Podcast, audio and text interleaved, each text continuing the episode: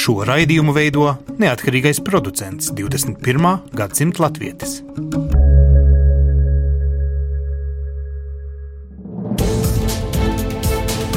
Septiņas dienas Eiropā piedāvā Eiropas radiotīkls Eironet.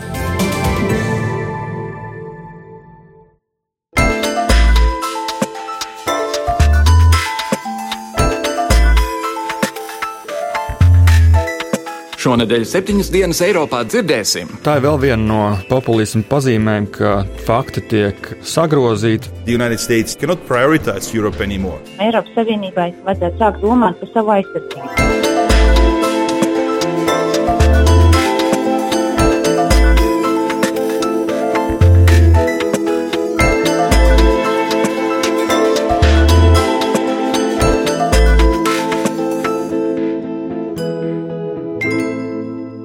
Labdien, godējamie klausītāji! Latvijas radio studijā Kārlis Streips. Esiet sveicināti jaunākajās septiņas dienas Eiropā. Francijas Socialistiskās partijas prezidenta kandidāti trešdien debatēs apsprieda savas politikas prioritātes. Debates tika rīkotas pirms izšķirošā balsojuma, kas noteiks, kurš no viņiem pārstāvēs kreisi centrisko partiju aprīlī gaidāmajās vēlēšanās. Bijušais izglītības ministrs Benoit Hamons skatītāju prāt bija pārliecinošāks nekā Sāncensis, bijušais premjerministrs Manuels Vals. Vals, kurš pirmās kārtas balsojumā bija otrajā vietā, cenšas sevi pozicionēt kā drošu un stabilu kandidātu. Ir atšķirības starp sapņiem un ilūzijām, valsts teica debatēs, norādot uz Hamona politiskās programmas ticamību, jo kreisi orientētais Hamons solīs katram Francijas pilsonim izmaksāt ikmēneša labklājības maksājumu 750 eiro vērtībā, aplikt ar nodokli robotus, legalizēt marihuānas lietošanu, kā arī apkarot diskrimināciju darba vietās. Tikmēr Hamons aicināja vēlētais uzgriezt muguru vecajam režīmam ar vecajiem risinājumiem, kas jau vakar esot nenostrādājuši un nestrādātu arī nākotnē. Kādiem solījumiem būs lielākas izredzes stājoties pretī Marīnas Lepēnas un François Fillona diezgan ekstrēmiem uzskatiem, to vēl redzēsim. Taču šodien raidījumā runāsim, kāpēc muguras tiek uzgrieztas vecajiem režīmiem, par korupcijas uztveramību un korupcijas saistību ar populismu pieaugumu bet vispirms par Francijas prezidenta priekšvēlēšanu kampaņu un republikāņu kandidāta Fiona prokrievisko un anti-NATO izteikumiem. Mana kolēģe Jāņa Kropa sižetā.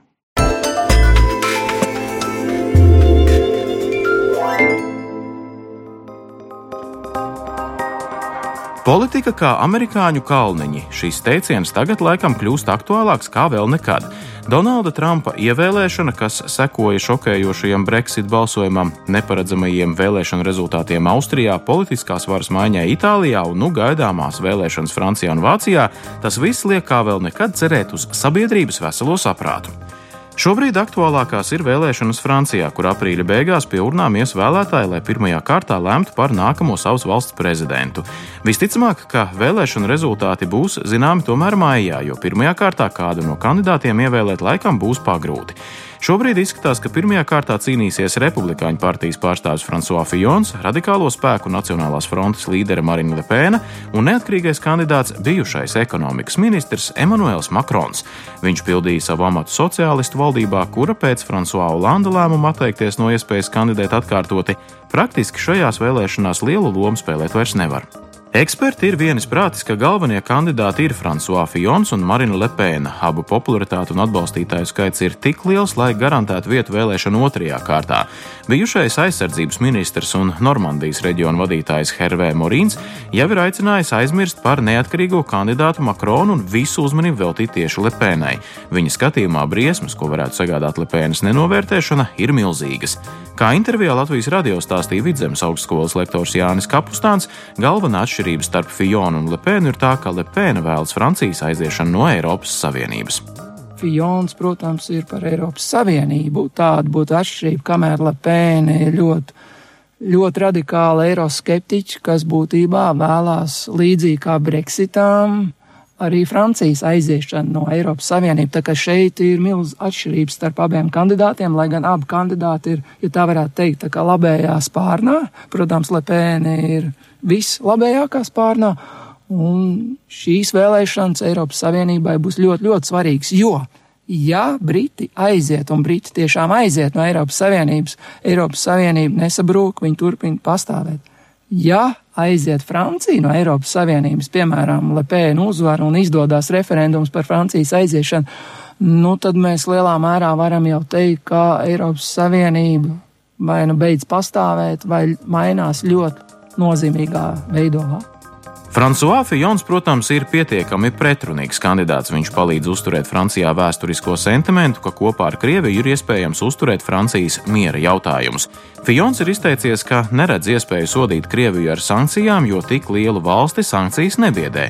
Tāpat Fijons ir atzīmis, ka redz iespējas sadarboties ar Vladimiru Putinu, lai kopā cīnītos pret islāma valsts uzbrukumiem. Protams, šajā jautājumā Francijas pilsoņiem ir vēsturiskās atmiņas par Šarla de Gaulla laiku, kad viņš sadarbojās ar Staļinu pret Hitleru. Tāpēc arī tagad francūži tic, ka Krievija ir atslēga cīņā pret islāma valsti. Politika, kā jau politika, nav iedomājama bez netīrās cīņas. Fijons ir saņēmis pārmetumus, ka ne tikai neizprot Krievijas draudus, bet arī, ka viņš ir iztērējis valsts līdzekļus. Nesen tāpat zināms, ka publiskais aktīvists pret valsts naudas tēriņiem iespējams pats ir fiktīvi algojis savu sievu, kā Francijas parlamenta deputāts, savu palīdzi, un ģimenes kasē ienesis tādā veidā pusmiljonu eiro. Tomēr biedējošākā par šādām ierastām politikas sastāvdaļām ir Fijona retorika drošības politikas jomā. Je suis venu lui dire que l'Europe euh, est aujourd'hui en crise, qu'elle est menacée par la politique américaine, qu'elle est menacée par la Russie, qu'elle est menacée par la Chine et qu'elle a besoin. Vizītes laikā, kurā viņš tikās ar Vācijas kancleri Angelu Merkeli, Fijons presē izteica vēlmi sapurināt Eiropu. Viņš šobrīd cenšas sev pievērst starptautisku uzmanību, radot priekšstatu, ka ir Eiropā atzīts politiķis. Fijons aicināja domāt par Eiropas alternatīvu NATO. ASV prezidenta Trumpa ievēlēšana un šīs personas agresīvais diskurss liek Eiropai pašorganizēties. Šis paziņojums ir paralēli ar Vācijas valdību, kura arī vēlas ciešāku Eiropas sadarbību. Tā būtu papildus iespēja Eiropai risināt savus drošības izaicinājumus bez NATO, un uz tā fona, kas valda Eiropā par sentimentiem sadarboties ar Krieviju, mēs tikai spējam iedomāties, cik trausla būtu iespēja garantēt drošību caur šādu institūciju. Latvijas radio korespondente Briselē Ina Strasdiņa par Eiropas valstu nevēlēšanos maksimāli ieguldīt savos aizsardzības budžetos sarunājās ar Beļģijas Karaliskās militārās akadēmijas pasniedzēju Seržu Strobantu. Viņš uzskata, ka Fijona paziņojumos ir arī daļa patiesības, jo Eiropas nevēlēšanās uzņemties līderību ir acīm redzama. Of course, there is some pressure. I mean, what Mr. Trump is saying is not something new. Protams, šajā jautājumā ir vērojams spiediens. Trumpa paziņojumi nav nekāds jaunums. Tas, ka Eiropas valstis pārāk paļaujas uz ASV un neiegulda savos aizsardzības budžetos, ir izskanējis jau sen, un to vairāk kārt atgādinājusi NATO vadība. Tagad, kad ASV gatavojas pārskatīt savas spējas, šis jautājums kļūst ar vien aktuālāks. Vašingtonai Eiropa vairs nevar būt vienīgā prioritāte. Ir arī citi reģioni pasaulē. Taču ASV arī labi saprot, ka NATO ir ļoti spēcīgs tās politiskais ierocis. Taču, manuprāt, tā ir laba ideja - sūtīt šo brīdinājumu Eiropiešiem ka viņiem vajadzētu sākt saprast tos draudus, kādi kontinentam uzglūna, un ka ir svarīgāk sākt vairāk investēt pašu drošībā. To send this wake up call to the Europeans that they should start to identify the threats that are posed to the continent and invest in their own security. Latvijas Nacionālās aizsardzības akadēmijas drošības un strateģiskās pētniecības centra pētniece Nora Vanaga uzskata, ka Fiona paziņojumi par alternatīvu NATO ir priekšvēlēšanu kampaņas triks. Tomēr šajos izteikumos ir vērojama arī daļa nopietnības, ko ņemt vērā. Noteikti tā ir priekšvēlēšana aģitācija, bet tur ir arī liela daļas patiesības, ko francūži jau mētiecīgi teiksim, tā, bīda kopš Brexita, kopš pagājušās vasaras, kad viņi runā, ka jāveido es neuzskatu, ka tā ir kaut kāda alternatīva NATO, bet tas ir principā atgriezties pie tāda Eiropas Savienības kodola, kurus varētu uzņemties līderību Eiropas aizsardzības jautājumos. Nora Vanaga François Fijona izteikumus skata plašāk. Protams, tie ir saistīti ar nepieciešamību Eiropā investēt vairāk savā drošībā, bet tie arī ir saistīti ar starptautiskajām misijām, kuras ir ļoti svarīgas Eiropai, bet nav svarīgas NATO. Eiropas Savienība varētu būt aktīvāka, bet ir arī virkne citu ļoti labu iniciatīvu Eiropas Savienības drošības aizsardzībā, kuras līdz tam visu laiku Briti mētiecīgi teiksim, bremzēja, ka tiešām Eiropas Savienībai līderu valstīm vajadzētu sākt domāt par savu aizsardzību. Un vēl arī arguments par tām starptautiskām operācijām ir tāds, ka vienmēr saka, nu kā tad tā, jā, tiks dublēts NATO, bet tas gluži tā noteikti nav, jo, piemēram, Eiropas Savienības misijas, ja Francija iestājās par to, ka mums būtu jāpalielina lielāka iesaista Āfrikā, kas ir pilnīgi loģiski, nevis dēļ viņa koloniālās pieredzes, bet ņemot vērā tas, ka Ziemeļāfrika ir vislielākais nestabilitātes avots, kur nāk arī visi šie bēgļi, kur respektīvi jāpalielina Eiropas Savienības iesaiste. Un NATO skaidri un gaiši pateica, ka Āfrika nav viņas atbildības reģions. Līdz ar to tas ir tikai loģiski, ja Eiropas Savienība palielinās savu iesaisti un nekāda pārklāšanās tur nav saskatāma.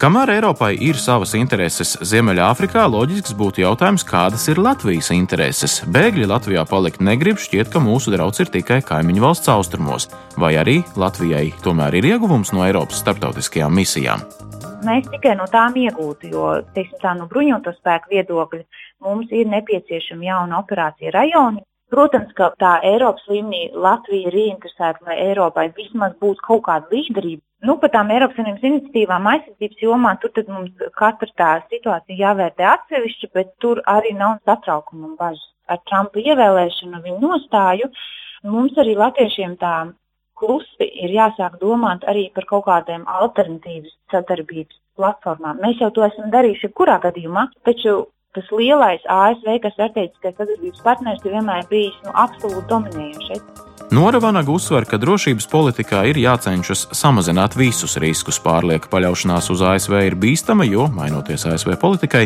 var tikt ietekmēta Eiropas un īpaši jau Latvijas drošības politika. Par laimi ASV gadījumā ne republikāņu, ne demokrātu partijās nav ilūzija par Krievijas miermīlīgumu.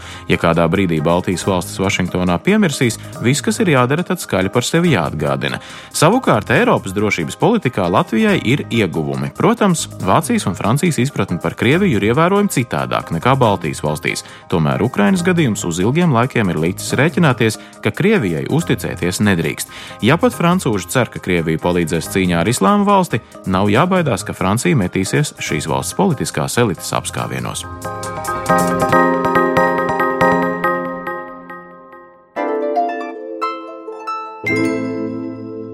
Transparency International tikko laidis klajā ikgadējo korupcijas uztveramības indeksu. Šogad Latvija ierindojas 44. vietā starp 176 valstīm. Tas mums ir gan kāpums, gan kritums, jo punktu ir vairāk, bet vieta zemāka nekā pērn. Diemžēl vēl aizvien esam arī iedzinēji saviem kaimiņiem Lietuvā un Igaunijā.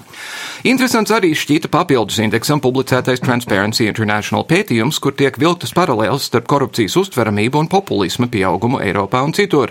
Jo vairāk tiek uzsvērts, ka pastāv pastāvošā iekārta ir korumpēta, jo vieglāk iestāstīt, ka lietas esot drastiski jāmaina. Tālāk šodien spriedīsim par populistiem un korumpantiem ar sabiedrību par atklātību dēlna direktoru Jāni Volbertu. Labdien! Labdien! Sāksim ar to, cik lielā mērā šīs uztveres indeks ir saistāms ar patieso korupcijas līmeni valstī.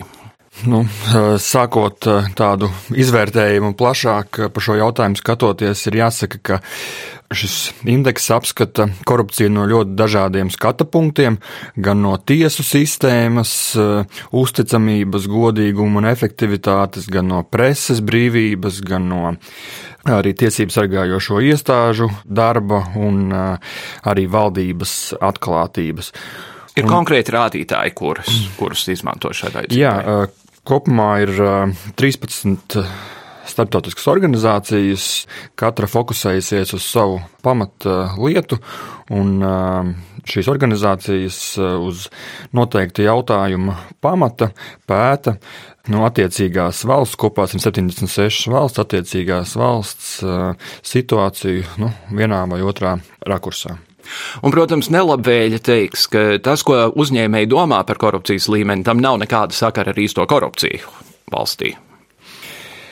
Aptauju neaizpild tikai uzņēmēji, tie ir arī dažādi eksperti un attiecīgās jomas, kuri ņemot vērā gan publiski pieejamo informāciju, gan informāciju, ko viņi zina varbūt savādākos veidos, nu, izdara savu profesionālo spriedumu. Un, viņam vajadzētu būt diezgan tuvam patiesai situācijai un skatoties uz, piemēram, indeksa augšgalu, un apakšgalu tā ticamība ir samērā augsta. Augšgalā mums teiksim, ir tradicionāli Ziemeļvalstis, Jaunzēlande, Šveice, Singapūra, un apakšgalā mums ir tādas valstis kā Somālija, arī Krievija patiesībā ar vien vairāk iet uz lejas pusi. Šo, šobrīd ir nokritusies no 119. vietas uz 131. vietu. Mm -hmm. Jā, tā tad Krievija un tad vesels bārs, tā gandrīz, kur var teikt, ka tur valsts īsti nav. Somālijā ir grūti valdīt, Jā, Lībijā ir grūti. Notiek kara darbība, teiksim, mm -hmm. vai, vai ir totalitāra režīma. Kā tas fiziski notiek? Vai, vai Dēlna administrē šo procesu Latvijā, un tad katrā valstī ir cita Transparency International nodaļa? Mēs eh, nesniedzam viedokli šī indeksa sagatavošanai, mēs viņu izplatām un izskaidrojam. Un identisku darbu veids eh, visas pārējās eh, Transparency International nodaļas visā pasaulē. Vai Transparency International ir visās pasaules valstīs klātbūtne? Visās nē, bet nu, nozīmīgākajās jā.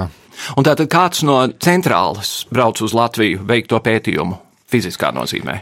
No mūsu mātes eh, organizācijas, kas atrodas Berlīnē, neviens uz Latviju nebrauc šī pētījuma veikšanai. Viņi šo darbu faktiski uztic citām šīm eh, organizācijām un vietējiem ekspertiem.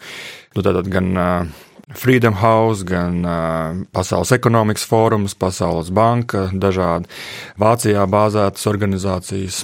Tad tie ir tie, kas veic šo aptauju teiksim, SKDS palīdzību vai, vai paši to veidu dara? Tas nav ar SKDS palīdzību, tas ir. Katra pati organizācija izvēlās sev uzticamāko veidu, kā viņš šos datus iegūst. Tas mm. atšķirās. Kas ir Latvijā galvenās problēmas pat labāk? Kāpēc mēs vēl joprojām īsti netiekam tālāk uz augšu? Tīpaši tagad, kad mēs tiekam uzskatīti par ziemeļvalsti. Nu, tās galvenās problēmas ir tā milzīgā, man liekas, mentālā atšķirība no pārējām ziemeļvalstīm, mēs nu, negribam par šo jautājumu faktiski pat baidamies runāt, baidamies no vārda korupcija, ka tikai kāds kaut ko atkal neuzraksta un nepasaka, izvairoties no no šī jautājuma mēs nekur nevaram progresēt. Šis jautājums eh, nav prioritārs valdībai. Eh, mēs eh, strādājam atbilstoši ļoti neambiciozām pamatnostādnēm, kas ir politikas plānošanas dokuments un paredz, nu, kādas valsts veids aktivitātes, lai uzlabotu korupcijas situāciju. Un tās aktivitātes ir tādas ļoti tiešām neambiciozas. Viņas ir ļoti piezemētas ar domu, ka gan jau pamazām pati situācija sakārtosies, mēs uh, apmācīsim valsts ierēģņus, kas ir korupcija un kad uh, izmantot savu stāvokli ļaunprātīgi ir slikti, bet konkrētāk pie daudz tādiem saistošākiem rīkiem, kā uzlabot korupciju, faktiski valdība īsti nestrādā. Es pieļauju, ka tie, kas veic šo aptauju, šogad īpaši pievērs uzmanību Jāzgai, kas ir bijis ar korupcijas un novēršanas un apkarošanas biroju, un arī ar to faktu, ka tagad divus mēnešus un ilgāk nav direktora, un lēni notiek nākamā direktora meklēšana. Iespējams, bet uh, tik daudz uh, netiek fokusēts uz vienas uh, nu, iestādes teiksim, darbu, kā kopumā uz situāciju nu, tādā horizontālā līmenī, jo Mēs varam runāt par uh, korupcijas uh, apkarošanu arī no citu iestāžu darba, gan sakārtojot veselības sistēmu, gan sakārtojot izglītības sistēmu, sporta sistēmu. Mēs varam runāt par valsts ieņēmumu dienesta darbu un uzņēmumiem, kā notiek uh, kontrole šajā lietā un tam līdzīgi. Tas korupcijas novēršanas biroja darbs iespējams, kad nesīs tādu negatīvu atsitienu tieši nākamā gada indeksā, bet nu, to vēl pagaidām grūti spriest. Jā, jo es pieņemu, ka apmēram rudenī droši vien kaut kad tiek veikti, veikts lauku darbs, lai jaunā gada sākumā varētu Jā, tā tas aptuveni varētu būt atkarībā. Nu, tas atšķirās, kur organizācija, kā viņi pati savā saplāno laiku, bet uh, tas faktiski darbs uh, nu, sākās jau ne mhm. decembrī, bet uh, laicīgāk. Ko Dēlnu domā par situāciju Knābī? Nu, šobrīd tā situācija ir tāda, ka Knāba, piemēram, šobrīd pienākumu izpildītāja Ilza Jurča pati godīgi atzīst, ka viņa gaida kad tiks izvēlēts jaunais vadītājs un atsakās patiesībā nu, tādus varbūt uh, ikdienas jautājumus pat risināt. Nu, piemēram, kā labi zināms, uh, Jaristrovs Tričēnoks pēc uh, mūsu tādu apkopojumu par knapu pēdējo piecu gadu darbu izslēdza Dēlnu un Providus no tādas konsultatīvās komisijas, kur mēs faktiski ar citām organizācijām vienkārši norādām uz tām lietām, ko mēs redzam, kas būtu jāuzlabo organizācijā. Tad mēs tikām izslēgti. Un tādā nevalstiskā organizācija memoranda sanāksmē, ko vada valsts kancelējas vadītājs un kur piedalās ministrijas sekretāri, valsts sekretāri, aicināja Knabu ņemt atpakaļ dēlnu un providus, norādot, ka tajā brīdī, ja kāda nevalstiska organizācija ir kritiska pret iestādi, tas nav pamats, lai šo nevalstisku organizāciju neuzklausītu un nesarunātos. Savukārt Ilzi Jurča atsakās pieņemt lēmumu, uzņemt vai neuzņemt. Viņa vienkārši atsakās no lēmumu pieņemšanas, kas nozīmē, ka nu, tas arī kaut kādā veidā parāda kopumā par iestādes darbu. Ir tāds nogaidīšanas posms no vadības līmeņa, bet kā mēs norādījām arī šī apkopojumā pēdējo piecu gadu laikā, iestāde ir ļoti novājināta, ir aizgājuši projām vadošie izmeklētāji, teiksim, tas pats Juris Jurašs, kurš šobrīd ir iestājies Bordāna partijā un vesela strīpa ar tieši nevis preventīvās darbību veicējiem, bet tieši izmeklētājiem, kas strādāja pie lielām korupcijas lietām. Tur ir aizgājuši tiešām liels skaits cilvēku, kas ir strādājuši 11 gadus ar šiem jautājumiem. Ir cerības, ka šoreiz pēc visas lielās muļāšanās valdība atradīs kādu labu cilvēku. Nu, faktiski valdībai pat nav gluži jāatrod šie kandidāti. Kandidātiem ir pašiem jāpiesakās. Tas, kas ir jā, jāizdara valdībai, ir jārada pietiekami pievilcīgi apstākļi, lai kāds šo darbu gribētu darīt. Mhm. Gan no tāda viedokļa, ka šis cilvēks netiks pēc tam bīdīts, stumdīts un ietekmēts, gan arī no tāda viedokļa, ka viņam ir nu, materiālās garantijas, ka viņš var uzturēt savu ģimeni un atbilstoši savai izglītībai, pieredzēji strādāt un nenonākt uh, sliktākā situācijā nekā viņš, piemēram, bijis iepriekš. Mm -hmm. Šobrīd knāba vadītāja atalgojums ir uh, ārkārtīgi mazs salīdzinoši ar citu iestāžu vad, vadības atalgojumu. Un, manuprāt, tas ir uh, liels kavēklis, kāpēc nepiesakās. Un otrs ir arī tas, ko mēs iepriekš esam norādījuši, kad pretendenti, it īpaši tie tiesību sargājošo iestāžu darbinieki, baidās eh, no tā, ka nominācija pieteikšanās gadījumā viņi tiks publiski izķengāti un mm -hmm. pat eh, pie gadījumu, ja viņi netiks virzīti tālāk apstiprināšanai ministru kabinetā un saimā, viņu karjera tiks šādā veidā iedragāta. Savukārt Dēlni ieteica, lai vairāk motivētu un pieteikties un palielinātu to sarakstu, no kā izvēlēties šo atlasi, ko veic komisija, izvērtēšanu, padarīt eh, aizslēgtu un atklāt eh, pretendentu vārdus tikai tajā brīdī, kad viņi tiek eh, virzīti uz apstiprināšanu ministru kabinetā un saimā. Tad, kad Dēlna runā, vai runā Dēlna individuāli vai runā lielais Transparency International patiesībā? Eh, runā dēlna individuāli, bet tie jautājumi, kas tiek eh, risināti starptautiskā līmenī, tur mēs eh, pa visiem jautājumiem konsultējamies arī ar mūsu mātes organizāciju Transparency International Berlīnē, kā arī ar citām nodaļām. Mēs regulāri runājam ar lietuviešiem, piemēram, un citu valstu organizācijām, arī Krievijā, arī Lielbritānijā un tam līdzīgi.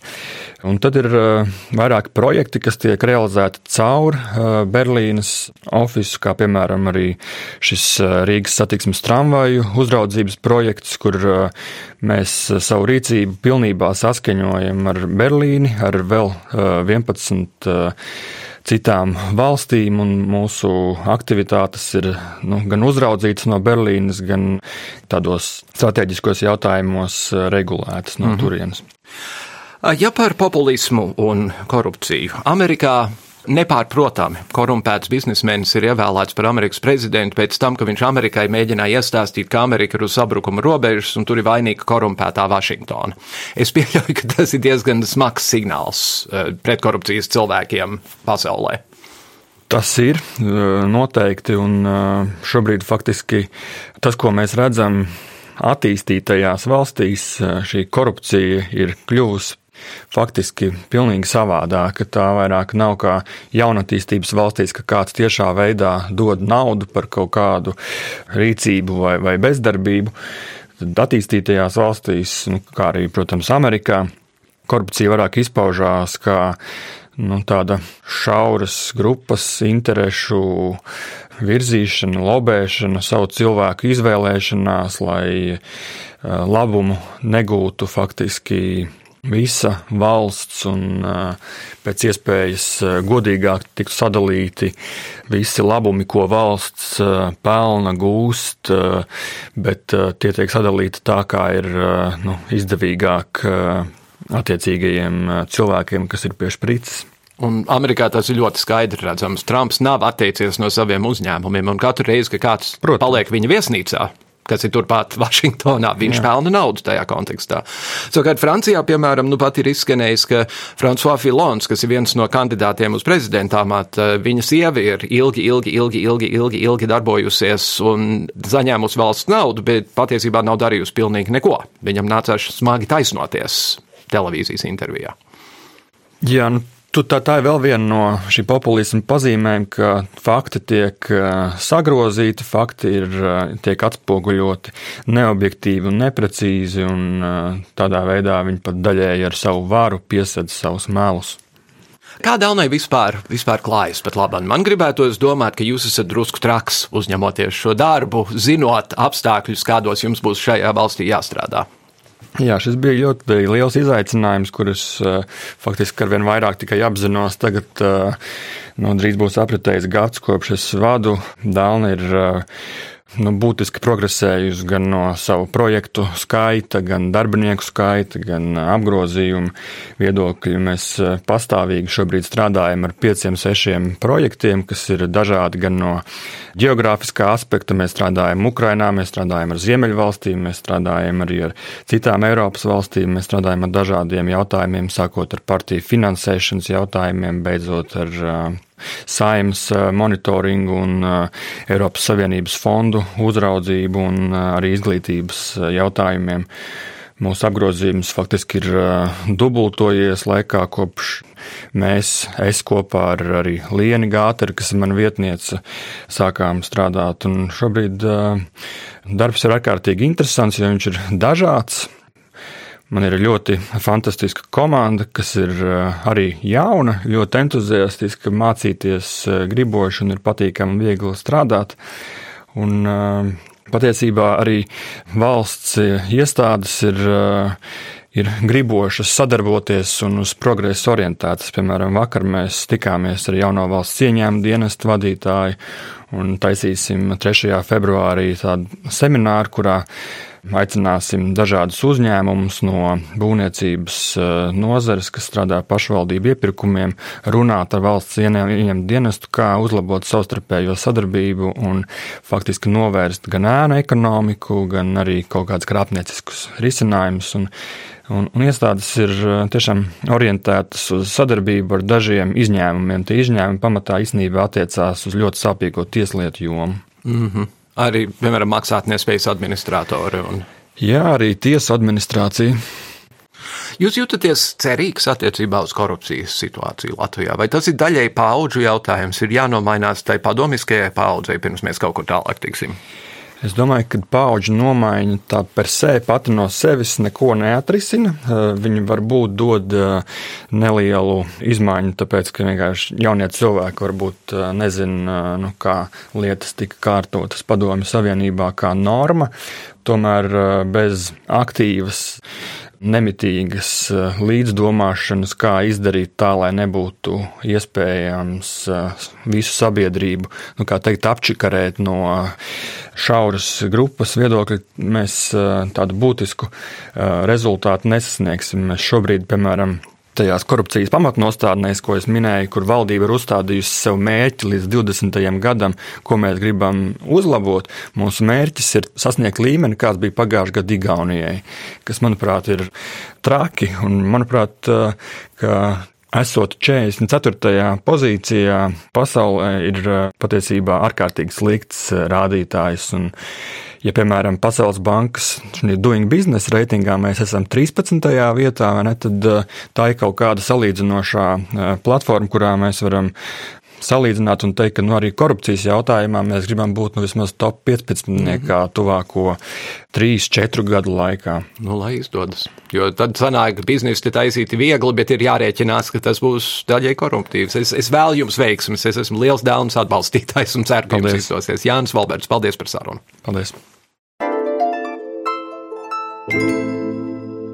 Uzvārds Šulcs ir devītais visizplatītākais vācu uzvārds. Vārds cēlies no sena apzīmējuma ciema galvai, kas ievāca visas nodevas un samaksāja tās tālāk dižkungam. Vai pēc šī gada Šulcs atkal cer būt ciemā galvenais? Angela Merkele ir Vācijas kanclere amatā jau kopš 2005. gada. Šogad priekšā ir vēlēšanas, un pēc haosa bēgļu jautājumā Merkeles popularitāte ir sarukus, un tas, protams, var atstāt iespaidu uz vēlēšanu iznākumu. Viņas vietu labprāt ieņemtu bijušais Eiropas parlamenta prezidents sociāldemokrāts Mārtiņš Šulcs. Viņa izredzes vēlēšanās vērtē politologs Kārlis Daugšs socioloģiskās aptaujas strauji pieaug viņa popularitāte. Bet manuprāt, ka viņam tomēr līdz galam neizdosies pārliecināt savu elektorātu sociāldemokrātus ar pietiekoši skaidriem lozungiem. Viņam līdz galam nav izstrādāta programma. Un uh, Šulcam būs grūtības ar to, ka sociāldemokrāti joprojām paliek tādi internacionālisti, sevišķi šajā bēgļu jautājumā un viņi nav izstrādājuši pietiekošu programmu šī jautājuma risināšanā saistībā, lai piesaistītu tos cilvēkus, kuri kritizē Merkeli taisni šī jautājumā, vai viņiem izdosies pārtvert šos neapmierinātos ar migrācijas jautājumu risināšanu. Nu, vēl viena bīstamība ir tas, ka sociāldemokrātiem iespējams gribētos risināt arī kaut kādas attiecības ar um, kreisajiem spēkiem, varbūt veidot kaut kādas koalīcijas, taču liekas, ka viņi ir pārāk, nu, es atvainojos par šo izteikumu, buržvāziski. Es domāju, vēl viens apstākļus, kuru bez personīgi uzsver. Es domāju, ka viss būs atkarīgs no tā, faktiski, lai cik tas īpatnēji nebūtu, no ārējiem apstākļiem pat labam. Kā veidosies tomēr Vācijas attiecības un kā simpātijas nosvērsies par labu vai nu Vācijas tādai patstāvībai, vai arī tomēr turpinās kā Eiropas projekts. Bet fakts ir tāds, ka būs jāpārformulē Eiropas vispār projekts, jo viņam ir diezgan liela kritiska masa. Vispār es domāju, ka viņa atnākšana atpakaļ uz Vāciju izsauks nepieciešamību formulēt Vācijas vietu un lopu Eiropas Savienībā un Eiropas politikā vispār. Tas ir neizbēgami. Un šeit eiroskeptiķu un eiro mīlētāju darbība būs ļoti skaidra redzama. Ar to arī skan šīs dienas septiņas dienas Eiropā, dāmas un kungi. Paldies, ka klausījāties. Būsim lūdzu visi ļoti, ļoti, ļoti neiecietīgi attiecībā uz korupciju. Līdz nākamajai nedēļai. Visu labu!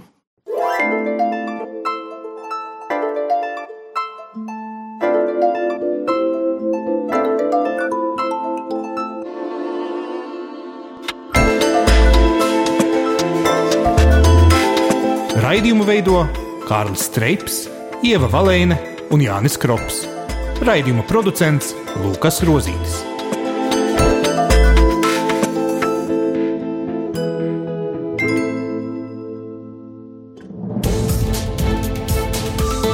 Visus Eironet plus sižetus un raidījumus meklējiet Latvijas radio mājaslapā.